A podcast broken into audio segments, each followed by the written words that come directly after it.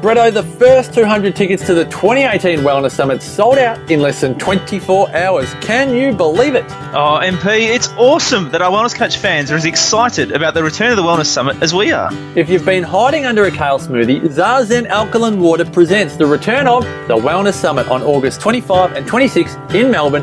And for one week only, we have 100 seats at a crazy two for one special. That's right, MP. Not only do 100 lucky listeners get two tickets for the price of one, but they also receive the digital recordings of the 2018 summit and all of our previous events. Gee whiz, that's a lot of value, Bretto. That's over $1,400 in value, MP, and all for just 297. That's two tickets for the price of one for two days of Powerhouse Wellness. That's less than $10 an hour to attend the wellness event of the year. Oh, enough of the number crunching, MP. These 100 tickets are only available this week until Saturday, May 19, or until sold out, whatever happens first. For tickets, the speaker lineup, and all info, go to thewellnesssummit.com.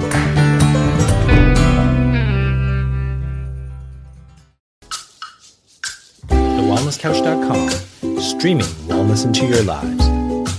Welcome to Nourishing the Mother, featuring your hosts Bridget Wood and Julie Tenner.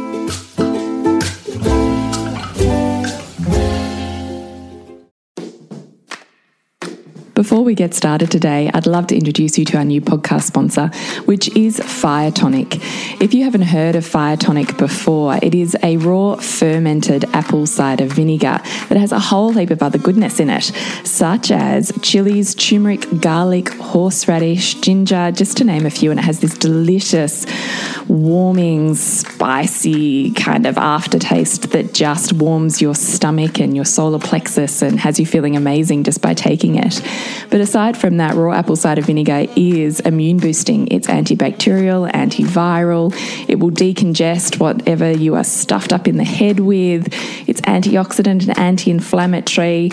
It's also the best digestive booster. Apple cider vinegar is the same pH as our natural secretions and also stimulates those natural secretions. So if you're feeling a bit low in your digestive system, if you've got a bit of a sore throat or feel something coming on, it's great. I've used this before just to knock something on its head, like a sore throat or a virus that's gone through the rest of my family. And for me, I've just kept up with the fire tonic little shots, which I absolutely love anyway, because I love a bit of spice. And it really does just knock it on its head. So it is locally made here in Torquay, Victoria, in small batches from a really ancient gypsy recipe. And we are absolutely mad for it.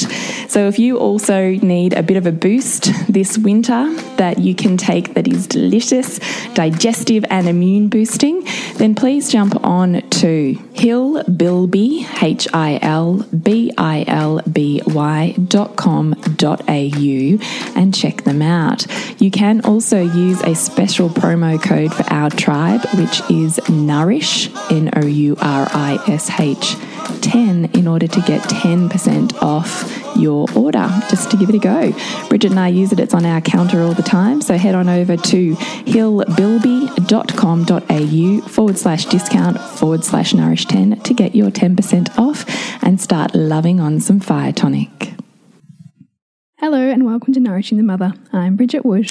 And I'm Julie Tenner. And today's podcast is How Much Do You Talk About Sex with Kids, which comes after a listener and tribe member's question. So before we dive into that very juicy topic, I'd love to remind you to jump onto nourishingthemother.com.au and sign up to join our tribe, where once a week we will send you a wrap up email with links to everything we've put out in the world, and you can pick and choose where you'd love to dive a little deeper or perhaps miss something that, that you're interested in. Hmm.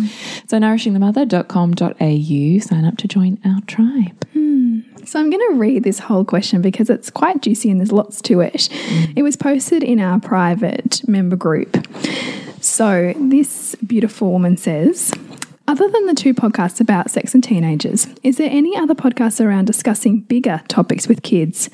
What's age appropriate, etc.? So, puberty, body changes, babies, discovering the opposite sex, how to discuss things when younger siblings are around, what to say to younger siblings in relation to what the older ones are going through, periods, etc. Broken down, what does this actually look like? I know this will be different for every house, but with the ages that your older two are now, Julie, I am really interested to hear what this looks like for you guys. My stepdaughter is 11 and a half, and my daughter is eight, eight and a half, and I'm finding natural conversations really coming up with my daughter, such as periods, lacking boys, and she's really aware of the physical changes her sister is experiencing, but struggling with the lack of natural entry into these conversations with my stepdaughter, which I think is really just a lack of her being around all of the time. I'm working on my own stuff around body, pleasure, etc., and with trying to normalize these conversations in our home as much as possible.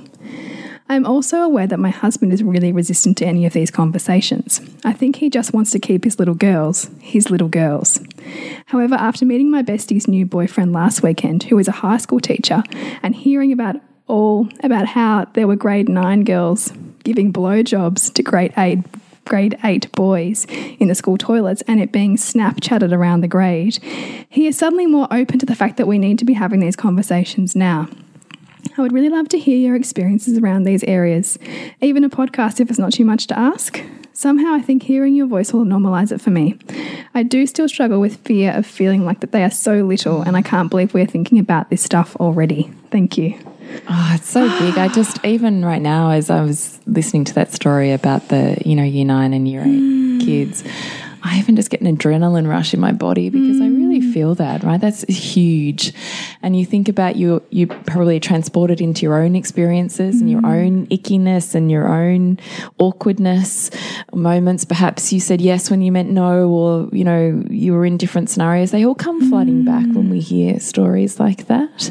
And then you think about your babies. Oh my God your do, baby's entering that and that's you know that's super mm. hard super hard conversation it's such a big having. leap to go there and i do think for a lot of people because it does feel so painfully uncomfortable and confronting that unfortunately so many parents don't go there mm. you know and then you do find that there are kids with with really getting their education on the playground which is really what we're wanting to avoid here as much as we can I feel really strongly about this actually because I also like this um, lovely listener. I have friends who are high school teachers, mm. and I think it's by virtue of being exposed to their discussions that it's almost put the fear of God in me enough that I'm like, right, this is really important that we talk about mm. this in mm. primary school. This is mm. really important because if they don't hear it from me, who loves and honors their body mm. and their experience, and has a reverence for our central sexual selves, mm. if they don't hear that from me,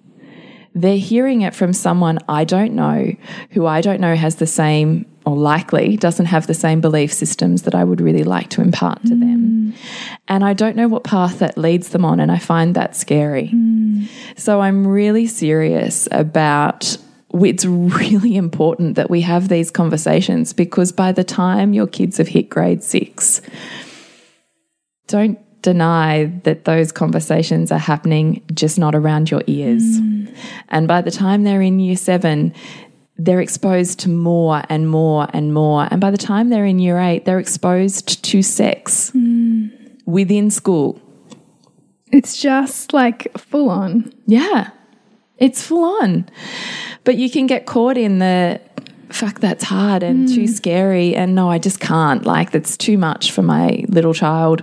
Or you can break it down mm. into bite sized chunks that seem manageable because it's never the one big conversation. Mm. I think mm. this whole notion of the birds and bees yeah. conversation is absolute shit. Yeah.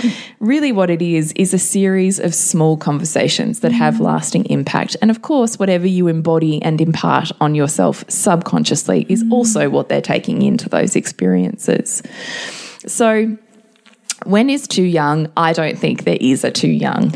I'm of that belief too, because even even with my five year old, I'm certainly thinking about, you know, like things like body autonomy and you know appropriate anatomical with names. Babies, you've been huge babies, on body yeah. autonomy, even as babies. Yeah, I have been. Mm. I, I, totally agree. I don't think it's ever too young, and in fact, my husband has really taken this on board, and he speaks in such an honouring way to Sylvie when he changes her. Mm. Like, so he warms up the wipes and he talks about what he's doing, and he's like, he's like, it's really, it's really impacted me what you've been saying to me about how I treat her body because she will learn how to treat her own body from how I treat her body. Mm. And how men are allowed to treat her. Yeah, body. exactly. So, so what she expects of men, you know, in, on some level, will be modeled for her on how her father relates to her body. Because I, I have a wound on that, right? So I have a wound on feeling affirmed by my father, and so.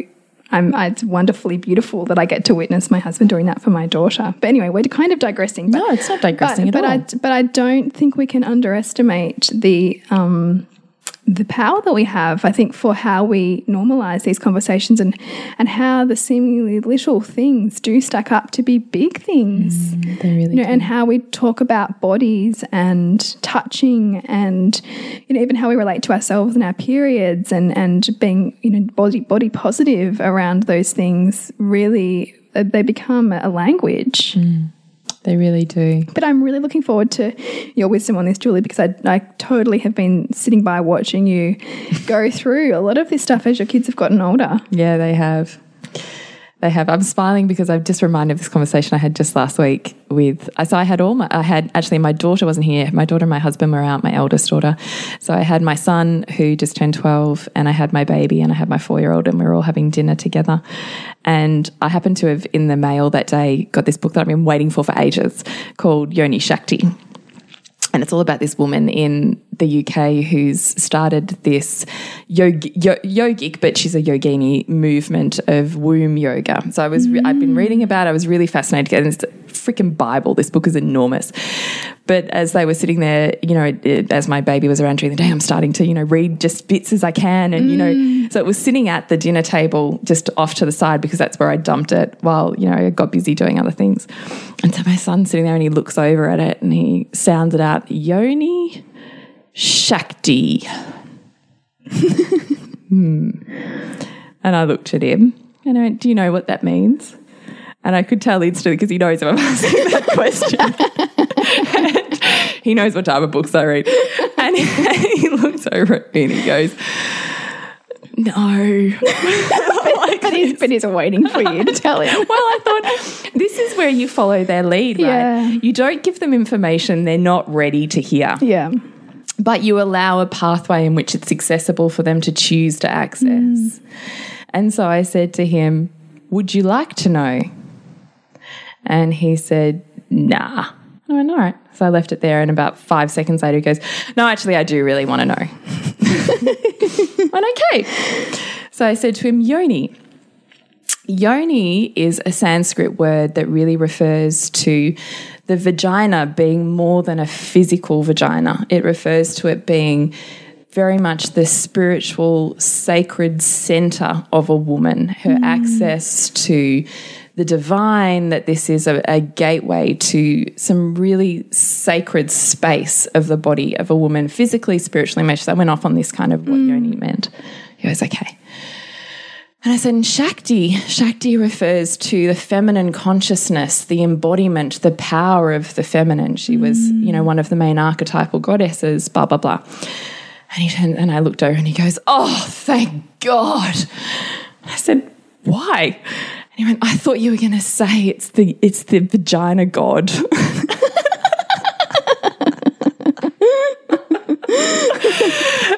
and I just cracked up laughing.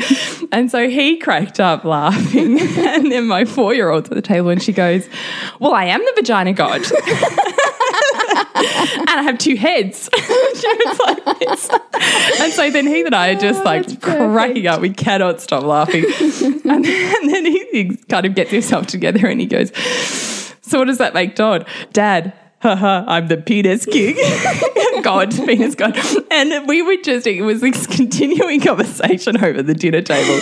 Oh, and so I thought, this is awesome, right? This is so cool.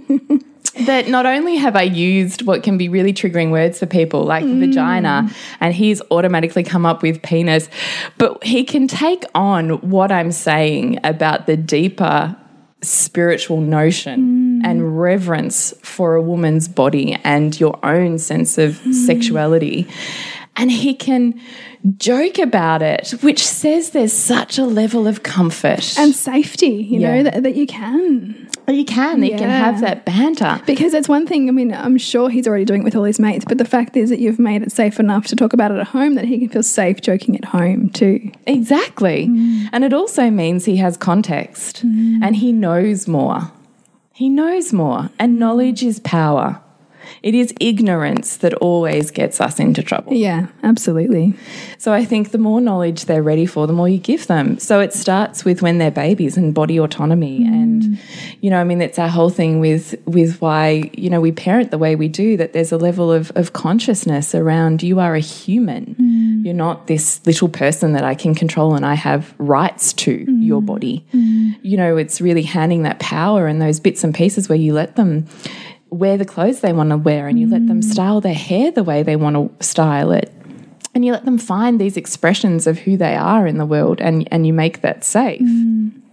And then I think you do have, like I've always talked about birth, and we've watched, you know, my kids have watched YouTube videos. They've been at my at my, their siblings' births. Mm. We've normalized vagina and penis, and you know, I'm I'm a big fan of anatomical names because I think why say an elbow is an elbow, but we can't talk about the vagina Yeah. Why? that in itself implies a message that they're hearing loud and clear. So I'm very big on, on autonomy, and so I always have had lots of books around. And whenever there's been, and I can tell you, I've even done this when we've had, um, particularly when my son was younger, and, and some of his friends would come around who I who I know in their home it's not a safe conversation, and they would pick up a book. And I remember one of his friends in particular looking flipping to a page. It was on birth, and there was a page of. Um, it was it's Hello Baby. I'm sure you remember yeah, that book. And there's the pa- there's the picture of the woman kind of sideways standing up, and the baby's just crowning. So you just kind of see the head, you know, out of her profile. And he started giggling uncontrollably and was trying to, you know, point and get the other boys to get in on the on the giggle. And I could see my son standing there, and he was just like, I don't get what you're giggling about. Like, mm. what? And so I went over to, I saw it happening. I thought I could ignore that or I could enter this. Mm. And so I went over and I sat next to Dave and had all his friends there. And I said, Dave, is there something you want to ask me about that? When it comes to our sexuality, we want to look at the beliefs and the meanings that we've picked up as much as the ones that we've made up about our experiences. In our Loathing to Loving program, we look at relationships to our family, partner, children, and feminine self, and spend a module in Nourish and Nurture, deeply expanding that feminine wisdom. Our sensuality and sexuality course is the next dive exclusive to those who've taken part in the Loathing to Loving program.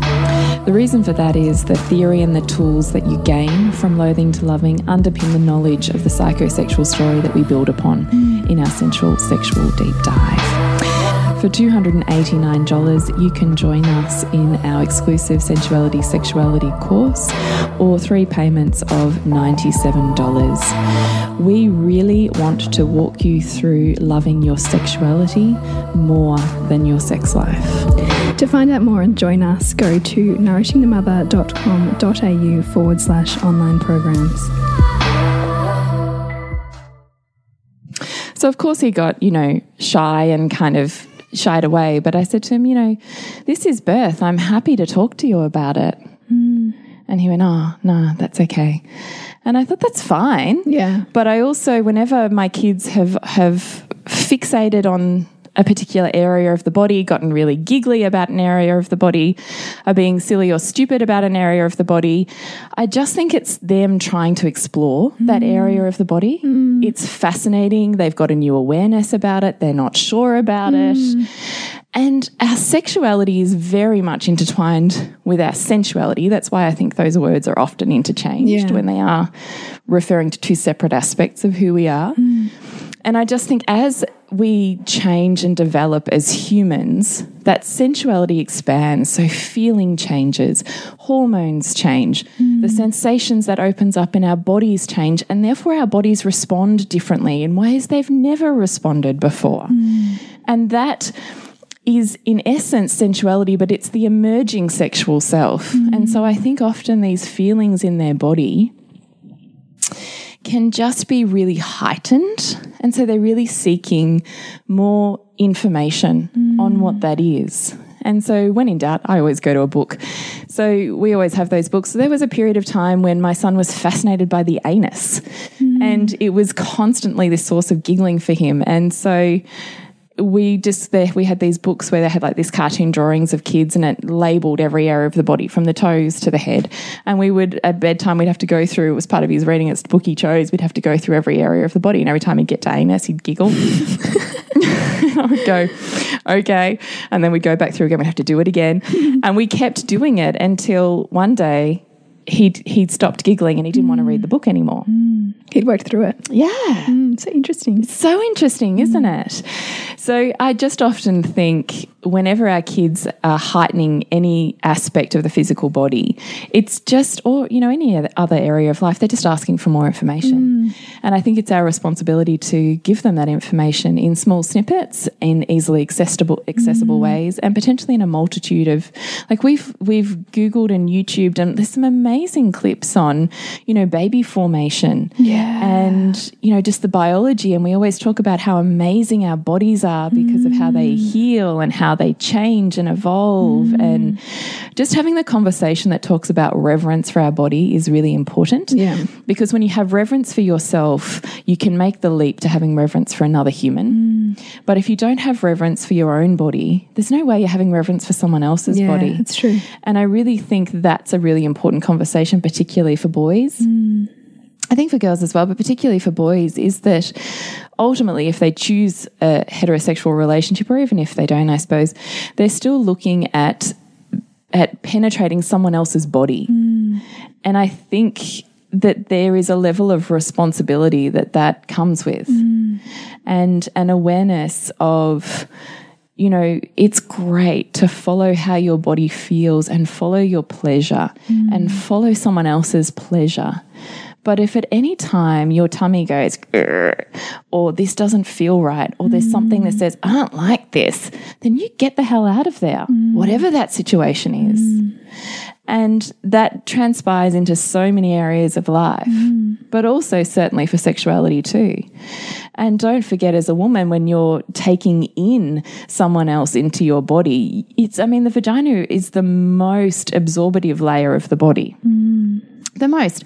So when someone enters your holy space, such as the yoni refers to, you're taking in energetically and physically and exchanging fluids potentially with another human. Hmm. So not only are you dealing with your own stuff, but you're dealing with their story, every person they've ever slept with, that they've still got attachments to, connections hmm. with, p- every bug, virus, germ, worm that they have just in their in their physical body. You're taking all of that into you. So you better really be sure in your body that you want to open to this person. Because if you're not really, it's not a real yes, then it's a no. And this is so interesting because so many of us never have the grounding and permission to explore sexuality healthily through simply books or be it conversations or you know as young children. So that does happen you know in those teenage years of trying to find the yes and the no and mm. trying to explore in a really sometimes risky way. Mm. So what I love about beginning these conversations as young as possible, you know, in an age appropriate way, mm. and only giving as much as is, is age appropriate, it's just stacking one on top of the other a level of awareness and safety and you know, confidence in body safety, in body knowledge, in respect for other bodies, all of that. All of that. All of that. So I just think this conversation can never start too too young because you're mm. always just stacking and layering the mm. information, and as they something happens in their world, you have that opportunity to kind of break that down. Mm. And I think there's a lot of forewarning in puberty as well. So we have all of the books on on puberty, and we've always had open conversations about how bodies change, how their body will change. You know, we're certainly a nudie house, so you know they would see my body, they see Nick's body. So we ask, so we talk about the changes between an adult and a child, and how that feels in your body. We certainly talk a lot, even when we're talking about um, emotional states and how they handle themselves now when they've got really huge, wild feelings in their body. That transcends to when they have rushes of hormonal surges. Is that you have hopefully built up a level of comfort with wild feelings mm. and that you, they're anticipated to an extent. So their experience will be different, mm. particularly when they've never experienced them before. It's, it's a really wide open, sometimes scary feeling because it's immense, it's intense, there's urge and um, drive in it that potentially they've never experienced before. Mm. But it's worth having these conversations around that. And I think, particularly, we focus a lot on periods and girls. Mm. And as my son's going through this phase now, I've realized how much even I have focused on that and not focused on what I consider to be the male equivalent, mm. which is the development of wet dreams mm. and the connections between sexuality and erections. So boys will have erections since they were in the womb. But this is where I want to make that, that distinction around sensuality when they're expanding that sensuality into sexuality is because an erection for us means sex, mm. but it doesn't in a child's body. Mm. In a child's body, it's sensation. It's a nervous system firing and it's almost like a, sensation. and it's a new awareness of a, of a part of their body, like a new heightened feeling. Well, sometimes it's not even that they're connected to that part of their body. They might not even be thinking about their penis at all, but it's the fact that it's a nervous system firing. Mm. So you can get, boys can get really excited about something or really scared about something, and they will get an erection. Mm. Not because it's sexual, not because there's any consciousness around it, but because their nervous system, as it's developing, is firing off these mm. hormones and these signals, and it's one of the signals. And so that's something that, that developing boys begin to master as they go into teenagehood. Because I, because I, as I understand it, you know, as we become men, the, the erection doesn't fire off as easily to random stimuli. It's So more it sexually starts- driven. Yeah, so Yeah. it starts to intertwine with sexuality when they start to kind of hit wet dreams, which is the other Mm. facet, right? This whole concept of now there's ejaculation. Mm. And, you know, I didn't realize when it happened with us. And my son woke up and told me he wet his bed. And I was like, oh my God, it's two o'clock in the morning or whatever it was. And I was like, what? What? Like in my head, I was going, Yeah, I can't even work this out. And even as I was stripping his bed and putting new sheets, I'm like, I can't even feel anything wet. But you know, it's too late. You know. Yeah, yeah. And it was only when I was talking to my friend, they said, and the weirdest thing happened last night. And she's the high school sex teacher, and she went, couldn't have been a wet dream, could it? I was like, oh my god, it totally was. and I realized I'd spent all this time preparing for periods, and I had done no preparation for ejaculation. So then when I when he came home from school and I was home, I made sure that we had the space with a bit of distraction because that tends to work best with boys. So I said to him, mm. Can you just come help me make your bed? So we were busy making his bed together while we were mm. having the conversation. And we've read about wet dreams in his puberty book. And I said, You know, I just wonder if last night, you know, da da da da, this is what happened for you. And normalized it and said, You know, this is, you know, your body can have these really big, intense feelings. And sometimes they might come with dreams that you really remember or that feel really good. And sometimes they might not. Mm. And both of those are fine. But, you know, we workshopped do you want to come and get me if it happens and, you, and have help? Or do you want to set up some wipes and a change in your room and when you go on sleepovers mm. so you're self sufficient and, you know, check in with me? And so we came up with his plan of how he mm. wanted to approach it, which was really empowering. And then he, you know, I saw him that night sitting there back reading his book and talking to me about what he was seeing in his book and then recognizing in his body. And that then for me was like, wow, right? This is like the first period. Mm. Only it's the first ejaculation for a man. And I think we mm. often often miss that as a gateway. Yeah, gateway. yeah. How beautiful. And it also leads into the conversations now with, you know, you might be standing in a group and all of a sudden you're really scared about something and you get an erection. What do you mm. do? Mm. What do you do when you all of a sudden you start to feel these feelings of, I don't know what that is, but I really like her or him, mm. and you get an erection? What are you going to do? So we just mm. talked about socially how to handle that and how to really bring your, your breath in and just be aware that it doesn't mean anything and that this is just part of your nervous system developing. And so it's all part of new body awareness as well. Like that's a really beautiful thing. And, you know, pleasure is something you follow and, you know, all of this sort of jazz.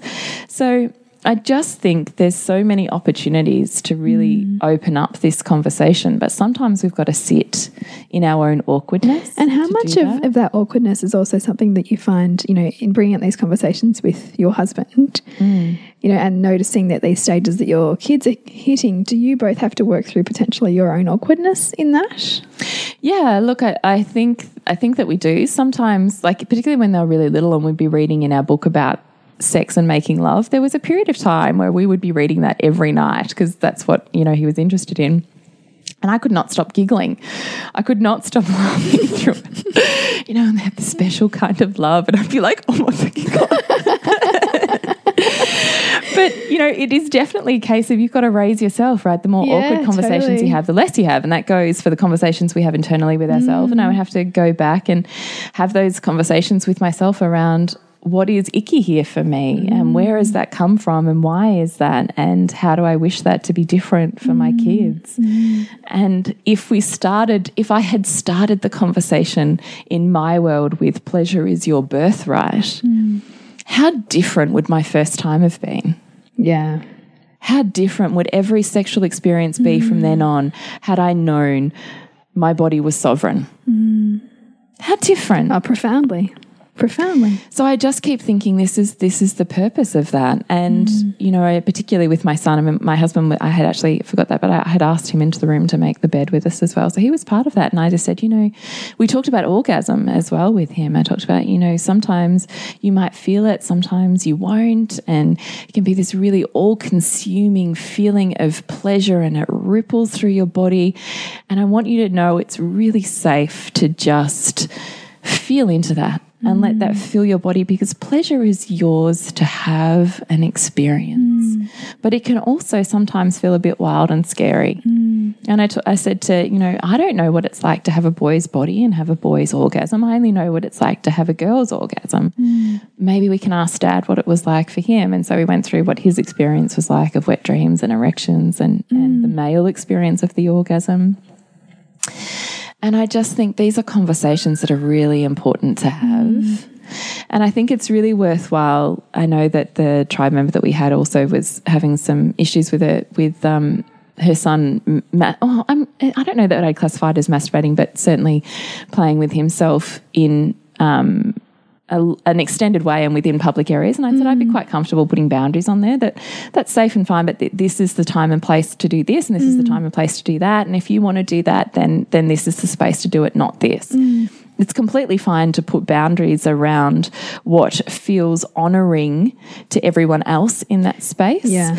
whilst also is honouring to you. I don't think that putting boundaries in place for sexuality means sexual shutdown there's a way in which to have that conversation no different to what you were talking about mm. bridge in the other podcast on loving boundaries.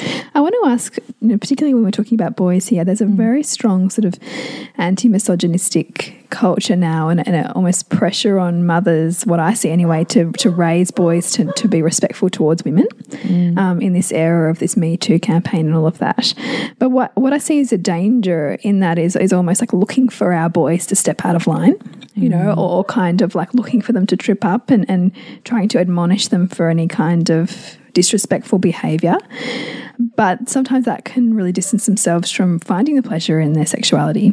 Mm. So I wonder what that looks like for you as you move into this awareness that likely your son's going to step into, you know, having relationships with with girls mm. and how you teach him to be aware and respectful of girls at the same time as connecting to what's pleasurable for him. Mm. Um, I just think we look, we're always having conversations, even when he's interacting with his siblings, is did you hear her say no? Or did you feel her body language change mm. then? Did you notice the change in her tone? Mm. What did that tell you? Did you notice when you did this, her body went like that? Did you feel that? Did you mm. see that? Did you notice that? I think it's the conversations in the parenting that we have that that develop that sense of, of empathetic awareness. And I think that is then a transferable conversation onto sexuality. Mm. And particularly when you come at it from the point of pleasure, that pleasure is something you should always be seeking to move towards. And if it's painful or cringy in any way, it's not the space to be. Mm. That's not how it's supposed to be. Mm. And that doesn't matter if you, and I, I talk about this actually in terms of power, power games. So particularly my firstborn son can be, you know, overpowering in so many ways and will continue the game that he thinks is funny because he's getting a kick out of it mm. when long before his sisters have, you know, hit the roof and it's enough. Yeah, yeah. But he keeps going. Mm. And so that is also a constant conversation is it's about the tune in, right? Mm. If it is not fun for everyone in this game, it is not the game we should be playing. And I want you to check in about how you are feeling in your body and what your feelings are right now that you are trying to use someone else to express. Mm. Because it comes back to ownership. Yeah. Check in with your body mm. because are you somewhere else right mm. now? Yeah. And I think it's those parenting conversations that you and I have all of the time and that we, Mm. you know, work so hard on really integrating in aligned parenting Mm. is just, it matters what we do now. Yes. Because it all stacks and builds on what happens later. Well, it's their language. It's their language to how they relate with their world, Yeah. which is massive. Yeah, it is. So, um, sorry, back on the masturbation one, I also want to say that that sometimes you know kids can find themselves really touching themselves because there's a sense of of pleasure or release with that, and it can be mm. a thumb suck or it could be you know a penis touching. Mm. And I think sometimes we want to say, well, that's sexual and that's not. But in essence, for the child's experience of that, it's all trying to fill a need mm. And it's one form versus another form. Mm-hmm. And so there's certainly there's you know questions and ways you can go with that, but in terms of parenting, I would just be looking at it as this is a form of numbing in a way or a form of self-soothing or a mm-hmm. form of seeking the sweetness in a sensation that they're trying to get needs met in other ways. So I mm-hmm. think there's a deeper conversation there to have. I, I think often as adults, we project a sexual conversation onto something that's not necessarily sexual. Absolutely, I definitely think we are. Because we, we so often look at you know the, our children through our own lens, through our own filter, and that's what we know. You know, so often the you know the genitalia to be about. Yeah. It's interesting that you mentioned that because I think you know think for our listeners who have younger children, perhaps with siblings, you know, I'm certainly noticing with my two that my daughter is like very interested in Hugo's penis. You know, so she wants to grab Yeah, it. it's the difference. Yeah. Yeah, so she's like starting to learn that she looks different to him, and and he gets annoyed at her, like you know, and kind of st- stop, you know, like yells at her, and and I, you know, reinforce like that's his private part, and this is yours, and you know, it's not he's he's asking you not to touch. Um, but I'd be interested in your perspective, looking back at what some of those conversations looked like. Um, yeah, look, I can think of several really curious experiences with my kids and certainly having siblings of the opposite sex, but also, you know, we're just kind of have grown up, I suppose, with a granola kind of group of women. So, you know, sometimes we'd all be at the beach together and then we'd all shower the kids together and, you know, so everyone's looking at everybody. yeah, Yeah, by yeah. virtue of Totally. that. Um, and I can remember, it's funny actually because my son totally did that, right? But with a friend, he was like, oh, look at your penis or whatever. And I like flipped out and um, caught myself flipping out and stopped. Cooled myself down and then came out, you know, sorted my son out and then said to my friend, I'm really sorry. I'm really totally triggered by this experience that I remember having as a kid of being, I was playing doctors with a friend and we were curious, right? And so we started playing doctors on our private parts. And I remember it being completely non sexual. Yeah. But there was something about it that was interesting to me and her to and, Yeah, you yeah, know, yeah. but we were all playing together. And I remember my mum and her mum walking in on it and we just were ripped to shreds. Like Oh, we right. uh, her like it was one of the most horrific moments I remember. And, you know, stood in a line and shamed and like it was Wow. horrendous. And so this experience with my son completely took, me back, back there. there. Wow. And so, luckily, my friend who was sitting there as a gestalt therapist, and she was like, "Hey, it's like no big deal for me at all." Mm. You know, so I really got to just shake and you know feel Yeah. that that body that was there, that was all my stuff, mm. and then move forwards with, okay, you know, This is okay. this is safe. okay. This is safe. And mm. now, how am I going to choose to move forwards that's not with shame? Because that's the mm. story I grew up with. Mm. Um, so I just think sometimes there's edges that that we can hit that we just need to ask ourselves what they remind us of in our mm. own personal story and do the work to release that within ourselves. I think it's completely, we've always had the conversation around these are your private parts and these are her private parts or his or mine or whatever. Mm-hmm. And your private parts are yours to touch mm. and they are not someone else's to touch. Not, you know, someone you don't want, and certainly not, no one else has rights to your private parts. They're mm-hmm. yours, and you get to choose what happens. Mm-hmm. So that's always a conversation that we have, and particularly with siblings as well. We can talk about yes, you have a penis, you have a vagina. Penises do this and look like this, mm-hmm. vaginas do that and look like this, da da da. Let's go read a book about it or whatever. Um, but I've always been fairly clear on that. You know, it's it's not okay for anyone else to touch your private parts. They're they're yours, and it's your choice what you do with those. I think it's such a big theme, and I'm sure it's one we're going to revisit at some point Mm. as our children move through different stages and as we get more questions. I do hope that this you know podcast has answered Mm. the questions of, of that listener um, and helped her get a bit more of a perspective on which way to go with her own family, um, and of course other listeners tuning in. Yeah, they're big conversations, mm. and they're certainly conversations we love to have. Yeah, so, yeah. You know, if you do have questions, if there's something specific you'd love to dive into, then we'd certainly love to take the conversation there. So, please contact us on nourishingmother.com.au or Nourishing Mother on Facebook or Instagram. You can message us or email us. It's mm-hmm. no problems. Hmm. Uh, to connect with you, Bridgie, Suburbansandcastles.com. And you, Jules? do you know what your next movie is? Uh, the Goddess Project that's happening in Geelong and Melbourne. Exciting. And I'm thepleasurenutritionist.com. And remember, you've got to nourish the mother to rock the family. And we'll see you next week when we continue to peel back the layers on your mothering journey.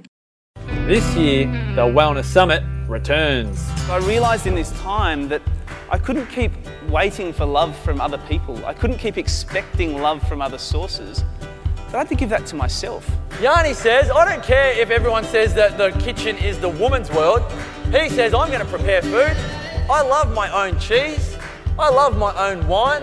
I don't care what you think of my new flat screen TV. He just loves company. I started asking myself more often, what do I want? Such a simple question, isn't it? But when you think that, and I'm sure all of you sitting there, when you think that, something springs into your mind. And there's something there that you want that you haven't been doing for yourself. Brett Hill and Marcus Pierce feature at the 2018 Wellness Summit. Bigger and better than ever. Tickets on sale Friday, May 4 at thewellnesssummit.com.